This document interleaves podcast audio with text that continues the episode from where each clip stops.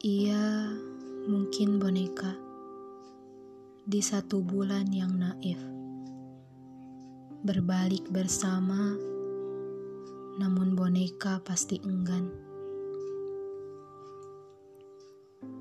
Bulan pertama adalah rasa palsu yang memelihara asumsi tak bermutu, sandaran tanpa kursi sambil rutin memilih peran pengganti.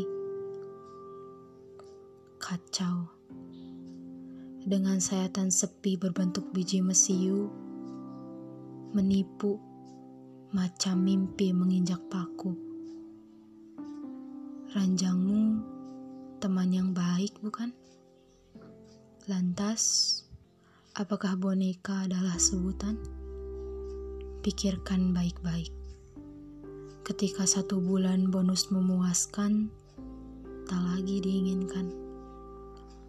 Bermain selama itu dengan menjadi boneka yang isi kepalanya adalah permen kapas. Roboh di bulan ternaif ketujuh ditambah dua, pendirian tak akan kembali sudah pasti adalah yang terkuat.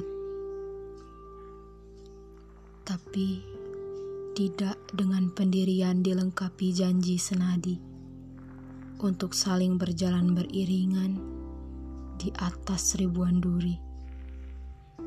Memang bangunannya adalah yang terlemah. Sedih tak terpatri dalam boneka makanan sehari-hari bertambah timbangan dosa. Bermalam bersama transparansi masa depan. Berjuta digit boneka tanpa energi.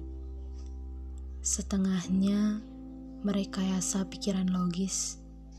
Lihat, lekang. Tahun ini tahun tanpa riang.